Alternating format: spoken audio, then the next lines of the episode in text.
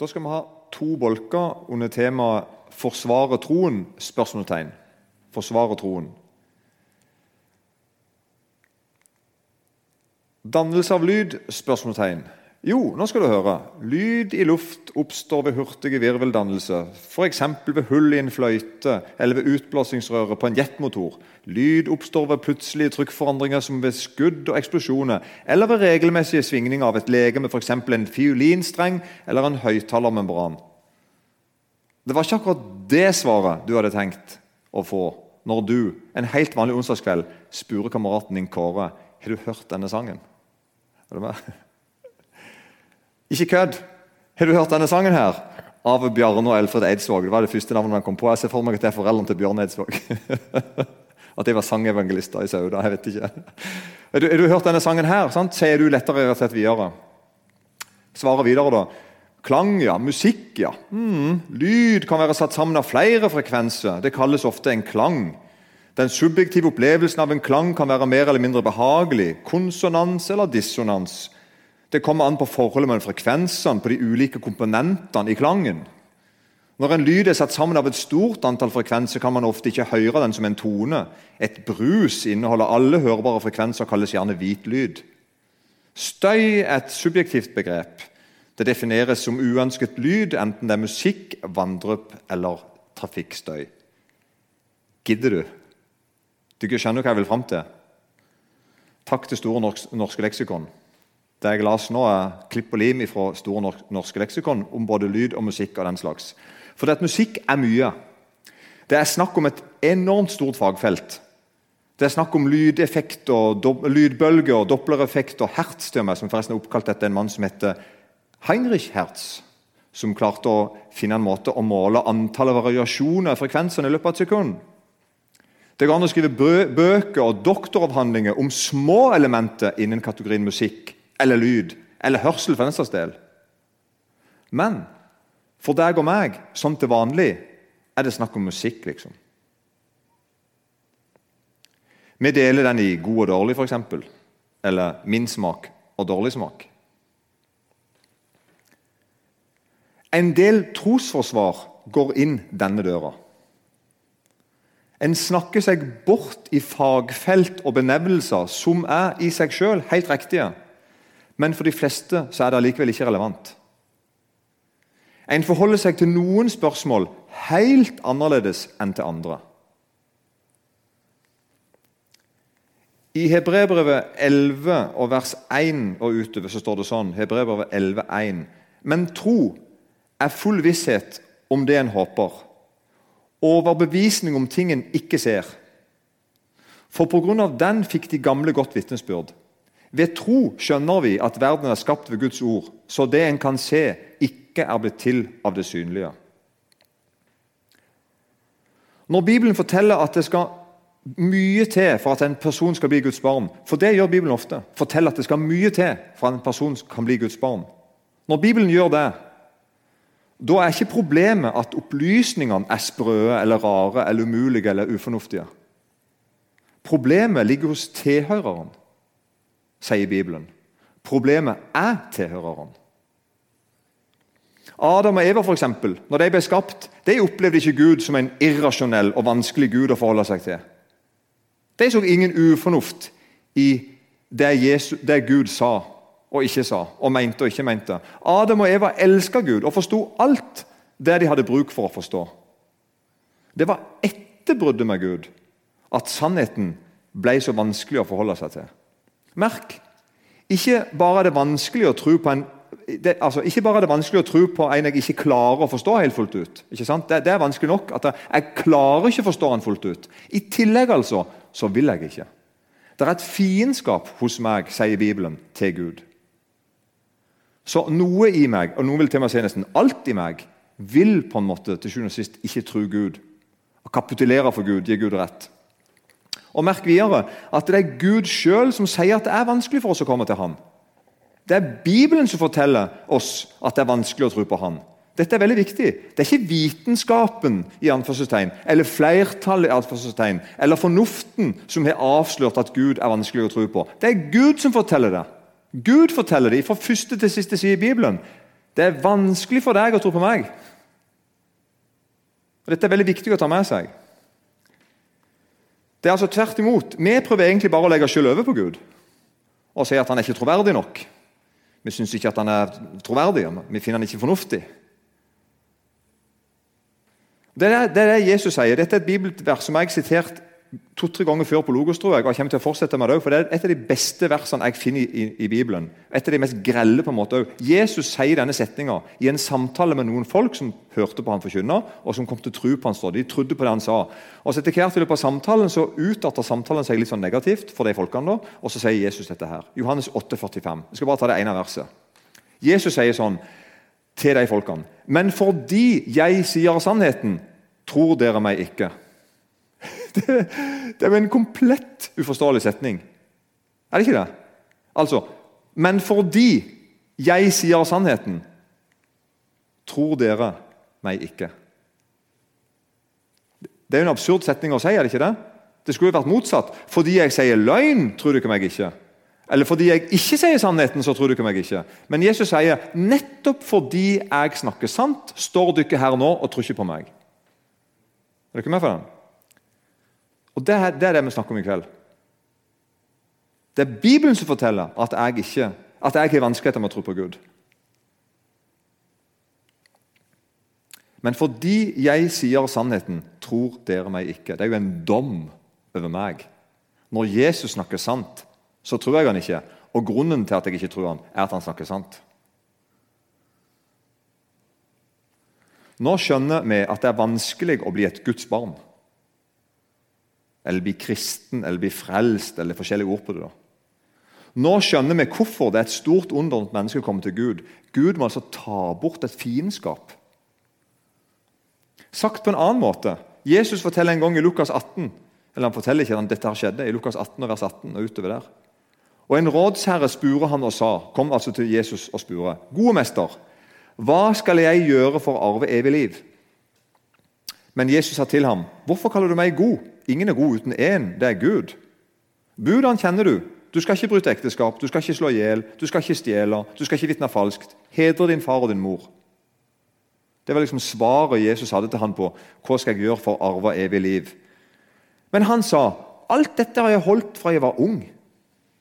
Da Jesus hørte det, sa han til ham, ett mangler du ennå. Selg alt det du eier, og del ut til de fattige. Så skal du få en skatt i himmelen. Kom så og følg meg. Men da han hørte dette, ble han dypt bedrøvet, for han var meget rik. Da Jesus så det, sa han, hvor vanskelig det er for dem som har rikdommer, å komme inn i Guds rike. For det er lettere for en kamel å gå gjennom et nåløye enn det er for en rik å komme inn i Guds rike. Og Her er bildet av en kamel for dere som ser dette det er en bil av en kamel. Det kan veie opp til sånn 700 kg, tror jeg. Og så er det en pil ned på sida av den. Der skal det visstnok ligge en nål. Hun er så liten at ikke du ser henne. Og på den nåla så er det jo et lite øye ikke vel, som du kan tre et tråd gjennom. Jesus sier da at det er lettere å få den kamelen gjennom det nåløya enn det er for en rik å komme inn i himmelen. Ganske drøyt. Og hva tror du folk som hørte på Jesus, tenkte? Samme som oss. Ganske drøyt. Da sa de som hørte det, hvem kan da bli frelst? Og så svarer Jesus, vers 27.: Det som er umulig for mennesker, er mulig for Gud. Så det er Bibelen som forteller oss at det er komplett umulig for meg å komme til Gud. Det er umulig for meg å resonnere meg fram liksom, til Guds rike og inn i, inn i himmelen. Og, og, Der står jeg en dag og sier at ja, dette tenkte ut helt sjøl, Gud. Jeg fant veien til deg. og Du var ganske, ganske, du var ganske intelligent, altså. Du var, du var ganske djup, altså. Men jeg fant veien. Nei, Jesus sier glem det. Det er umulig for deg. Men det er, ikke, det er ikke umulig for Gud. Det som er umulig for mennesker, er mulig for Gud. Og Jeg kan si videre, jeg har aldri møtt en person som ikke har problemer med å tro Gud. Jeg har aldri møtt en person som ikke har problemer med å tro Gud. Det ser ut til at alle er enige med Bibelen på akkurat dette området. Nå snakker, jeg, nå snakker jeg om både de som kaller seg kristne, og de som ikke er kristne. og hvem som helst vil innrømme at det er mange ting i Bibelen det er vanskelig for meg å forstå, det er vanskelig for meg å tro, det er vanskelig for meg å akseptere, det er vanskelig å forsone seg med osv. Dette er noe alle mennesker snakker om. Den hellige ånd overbeviser oss om Gud. og Den hellige ånd overbeviser oss om oss sjøl. Det er der hos Gud jeg blir kjent både med meg sjøl og med Gud. Noen bytter ut den, over, den overbevisninga med overtro. Og får et helt sånn fjernt forhold til det å tro. Et rart forhold. Det er ganske vanlig i Norge. ganske vanlig greie. Vi, vi begynner å tro på truen i stedet for. I stedet for, tru, i stedet for å tro vi retter, meg, retter seg mot Gud og Jesus og Bibelen, og, og sånn, så begynner tro vi å vende seg inn mot seg sjøl og begynner å tro på seg sjøl.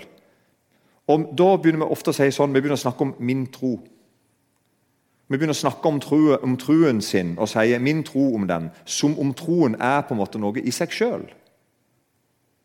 Og det er da, når vi får det forholdet til truen, at truen bare er en ting som på en måte er min. I stedet for at tro er altså noe som er opptatt av noe jeg tror på. Dere er med på forskjellen? Det er da vi får denne store misforståelsen som dukker opp, nemlig at tro og viten blir plutselig motsetninger. Det er da det skjer. At det dukker opp en tanke om at det, det er noen som tror, og så er det noen som vet. Og de to tingene, og det er ikke samme folkene. De som vet, de tror ikke, og de som tror, de vet ikke. på en måte. Da dukker den misforståelsen opp. Vi sier ting som 'For meg betyr Gud' bla, bla, bla. bla. 'For meg så er Jesus' bla, bla, bla. bla. Sånn. Ikke skjønner? Som om at det betyr at Gud er sånn fordi jeg tror det.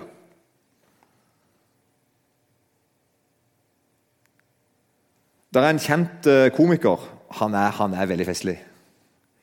Han heter Ricky Gervais, eller noe sånt. uttales cirka sånn. Jeg kjenner han fra den engelske utgaven av The Office. Han er veldig festlig. Han tøyser skikkelig mye med kristne folk. Det er også, Mye av det òg er gøy. for å være helt ærlig. Og Han tøyser forresten egentlig med alle religiøse folk. alle religioner. Og Han syns de er skikkelig dumme, og han, vet, han på en måte vet at alle tar feil. Og Han har sagt, eh, han har en del sånn standup-show rundt forbi der han harselerer med kristen tro og, og ja, all tro. Religiøs tro. Og sier at for eksempel, litt sånn, Rart at akkurat min Gud er det eneste rette, sier han ironisk. Rart at akkurat tilfeldigvis jeg ble født i akkurat det landet akkurat den kirkesamfunnet som hadde akkurat den rette guden, mens ingen andre hadde det, sier han ironisk. Og, og Han ler av alle religionene og sier rart at de kristne foreldrene de får kristne unger. Er det Og vi som de muslimske foreldrene får muslimske unger, osv. Og, og så ler han. Og alle tilhørende ler og sier ja, de ser ironien i det. Ikke sant? De bare tror på truen sin, på en måte, underforstått. Og så ler tilhørerne òg. Jeg òg eh, ler litt, for han er, han er en festlig fyr. Men det er jo ikke rart at det er sånn. Og For Bibelen er dette poenget når vi kristne skal forkynne Kristus. altså Det vi kaller for misjon og forkynnelse ikke sant, og kristent arbeid. Paulus han sier noe interessant om dette. her. Han sier i Romerbrevet 10 og vers 13 så sier han sånn For hver den som påkaller Herrens navn, skal bli frelst. Det er et løfte. Du som hører Jesus til, og som fortsatt hører Jesus til, og påkaller han og lever i påkallelse av Herren, du skal en dag bli frelst helt hjem til himmelen. Det er løftet til Bibelen her. Og Så sier Paulus at du ikke hørte at hver den som påkaller Herrens navn, skal bli frelst. Men, sier Paulus, hvordan kan de påkalle en som de ikke har kommet til tro på? Nei, det sier seg selv. Og hvordan kan de tro på en som ikke de har hørt om? Og hvordan kan de høre uten at det er noen som forkynner? Og hvordan kan de forkynne uten at de blir utsendt? Og Derfor blir vi ikke overraska når Ricky Gervais sine barn vokser opp hvis han har barn da, vokser opp og blir en slags ateister som ler av alt organisert religion. De òg ble som pappaen sin. Og sikkert sånn som vennene sine òg var. Og Jeg vil heller ikke bruke dette som et argument for meg som å si at ateister bare arver holdninger fra miljøet sitt og har ingen selvstendige tanker. Jeg, jeg, vil ikke, jeg, vil ikke, si det. Jeg, ser, jeg forstår logikken til, til Ricky. Det er, det er logisk. Men nettopp fordi at dette er logikken, så er det sjokkerende å se at veldig mange mennesker til alle tider, og aldri mer enn nå, veldig mange mennesker rundt i verden velger å følge Jesus sjøl om de blir forfulgt. De velger å ta imot Jesus som herre i livet sitt og er klar over at i samme øyeblikk mister de kontakten med sine foreldre, med sine søsken, med kanskje med landet sitt, med byen sin, med samfunnet sitt. Jesus sine etterfølgere er de desidert mest forfulgte menneskene på denne planeten akkurat nå. Og Bare i det faktum han har sagt, ligger det en ganske sprengkraftig forkynnelse. Så det er rett, det han sier, at folk har en tendens til å bli det samme som foreldrene sine. Det gjelder også ateister. Men det er også sant å si at når det gjelder kristne, så er det en tendens til å bli kristne selv om ikke foreldrene var det. Og de til og med holder ut i trengsel og forfølgelse og inntil en martyrdød for mange. Sånn er det òg i Norge. For mange år siden var jeg en plass og hadde, hadde noen møter blant særlig mye ungdommer, norske ungdommer. Og faktisk to-tre stykk ble kristne i løpet av den tida jeg var der. Det var på en sånn, sånn spennende tid. Og jeg, jeg, bodde, jeg, bodde, på en plass, eh, og der var det en nabo som var 18 år. Og Mens jeg hadde møter og var der, så møtte jeg han litt. og Jeg, ja, jeg kom i snakk med han, og jeg spurte han skulle med på møte. Nei, det skulle han definitivt ikke. Han skulle ikke på kristne møter. i hvert fall helt sikker.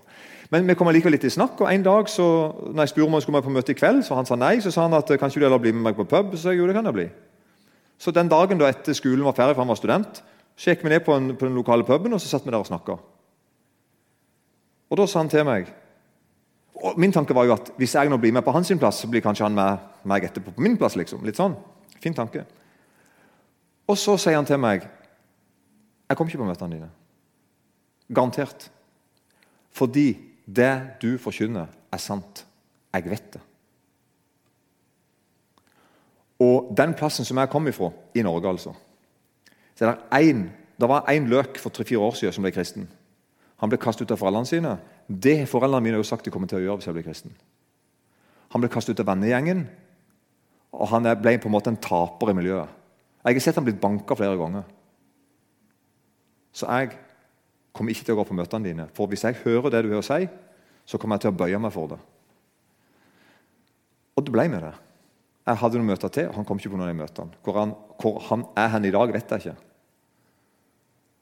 Men sånn kan det være. Og Allikevel ser vi altså rundt forbi verden, òg i Norge, at flere og flere velger å følge Jesus, selv om ikke det var en OK vei å gå, egentlig sånn mennesketalt.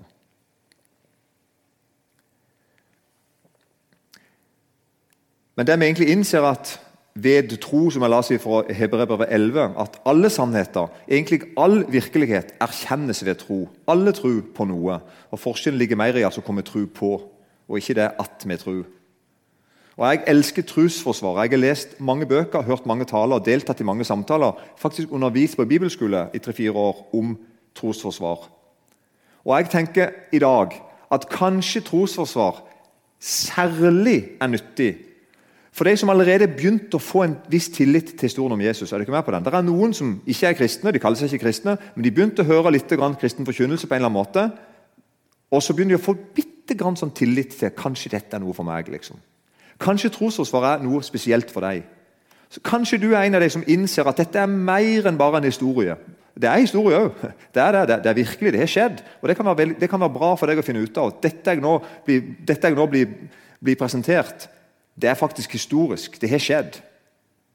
Og Samtidig merker du at det er kanskje noe mer her. Og nå I møte med noen bibeltekster begynner du kanskje å ane en levende, allmektig Jesus. En oppstått Jesus. En som ikke bare døde på et kors en gang, men som lærte grav og sto opp ifra de døde. Du har kanskje til og med bedt deg bønn og tenkt Hørte noen dette? Er dette ekte? Er det sant? Kanskje særlig du du som er på vei mot Jesus, er dere med på det? Det er noen som er på vei vekk ifra ham. på en måte, vi ikke, hører, vi ikke man gjør. Men kanskje særlig du, du som er på en måte på vei i møte med ham, imot Jesus Kristus. behøver, Kanskje du behøver innsyn og argumenter. Trua som begynner med som å vokse fram inni deg, som du ikke hadde tenkt skulle komme sånn, den trenger på en måte et forsvar. For at Mens du kjenner at tilliten til Gud og til Bibelen og til Jesus begynner liksom å overmanne deg inni deg, så begynner du å protestere med tanken din og alt. Og du kjenner på at her må jeg få noen svar. Her må jeg få noen forklaringer. Og Da kan kanskje trosforsvar være utrolig viktig for deg. Jeg kjenner ganske mange folk som kan fortelle om det. Eller du som er en kristen, men som er i tvil om noe. Helt ektefølt i tvil om noe. Du merker at du trenger et svar. Dette er noe du ikke kommer forbi. Jeg må ha et svar. Du vil ikke være en som bare tror blindt, men som en slags fanatiker. liksom. Da kan vi si at trosforsvar er herlig. Det kommer å gi deg troverdige svar som gjør at du kan hvile i det. Dette er troverdig, dette er sant, dette er skikkelig, dette vil jeg fortsette å tro på. Jeg kan ikke la være å tro på det, for jeg tror det er sant. Men du fins òg, du som ikke vil tro på Gud. Du har bestemt deg for lenge siden om hva du vil fylle livet ditt med. Disse fins det mange av. Så mange av de som vi møter, som er som tilsynelatende sier de er veldig åpne for alt. Bullshit. De har bestemt seg for lenge siden. Det skal jeg ikke gjøre, det skal jeg ikke gjøre, den veien skal jeg ikke gå, den veien skal jeg ikke gå. Du vet hva du vil ha. Og du lurer ikke på det der med Gud. Du lurer ikke på det. Du vil ikke lure på det der med Gud engang. Og i samtale med deg blir det ofte som jeg da prøvde å være gøyal med i starten av denne bolken. At det blir noen lange svar om noe greier, i stedet for bare å bli enige om har du hørt sangen eller ikke hørt den, liker du den, liker du den ikke. Vi snakker oss bort i duppeditt-spørsmål, liksom. Plutselig der så stiller vi helt andre krav til argumentet om Bibelen, om Jesus. Og Vi får sånne Google-fremmedorddiskusjoner der alle ser ut til å ha doktorgrad i flisespikk. Men hvis det var du som starta samtalen, så vil jeg allikevel holde på litt til. For det kan komme noe godt ut av sånne samtaler òg. Noen tror det er innafor å lure på om Jesus har levd. Sånn levd i det hele tatt. Seriøst.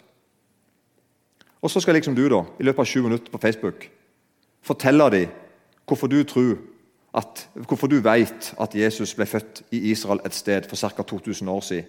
Du må liksom stå i rett liksom, og forsvare og svare på troverdigheten av diverse skrifter og personer. Du må kunne gi enkelt og slagferdig beviset på at alt det du tror, er nøyaktig sånn og sånn og sånn. De du snakker med, står dermed som med armene i kors og liksom sjekker om du har rett. Er du med? Forferdelig situasjon å havne i, som regel. Det du ikke fikk med deg, var at de egentlig aldri lurte på det. De ville ikke tro at Jesus har levd. Og hvis han har levd, så, er, fall, så er han iallfall død nå. Men Napoleon har levd, og Sokrates og tippoldefar til Ole Einar Bjørndalen, selv om jeg aldri har sett dem.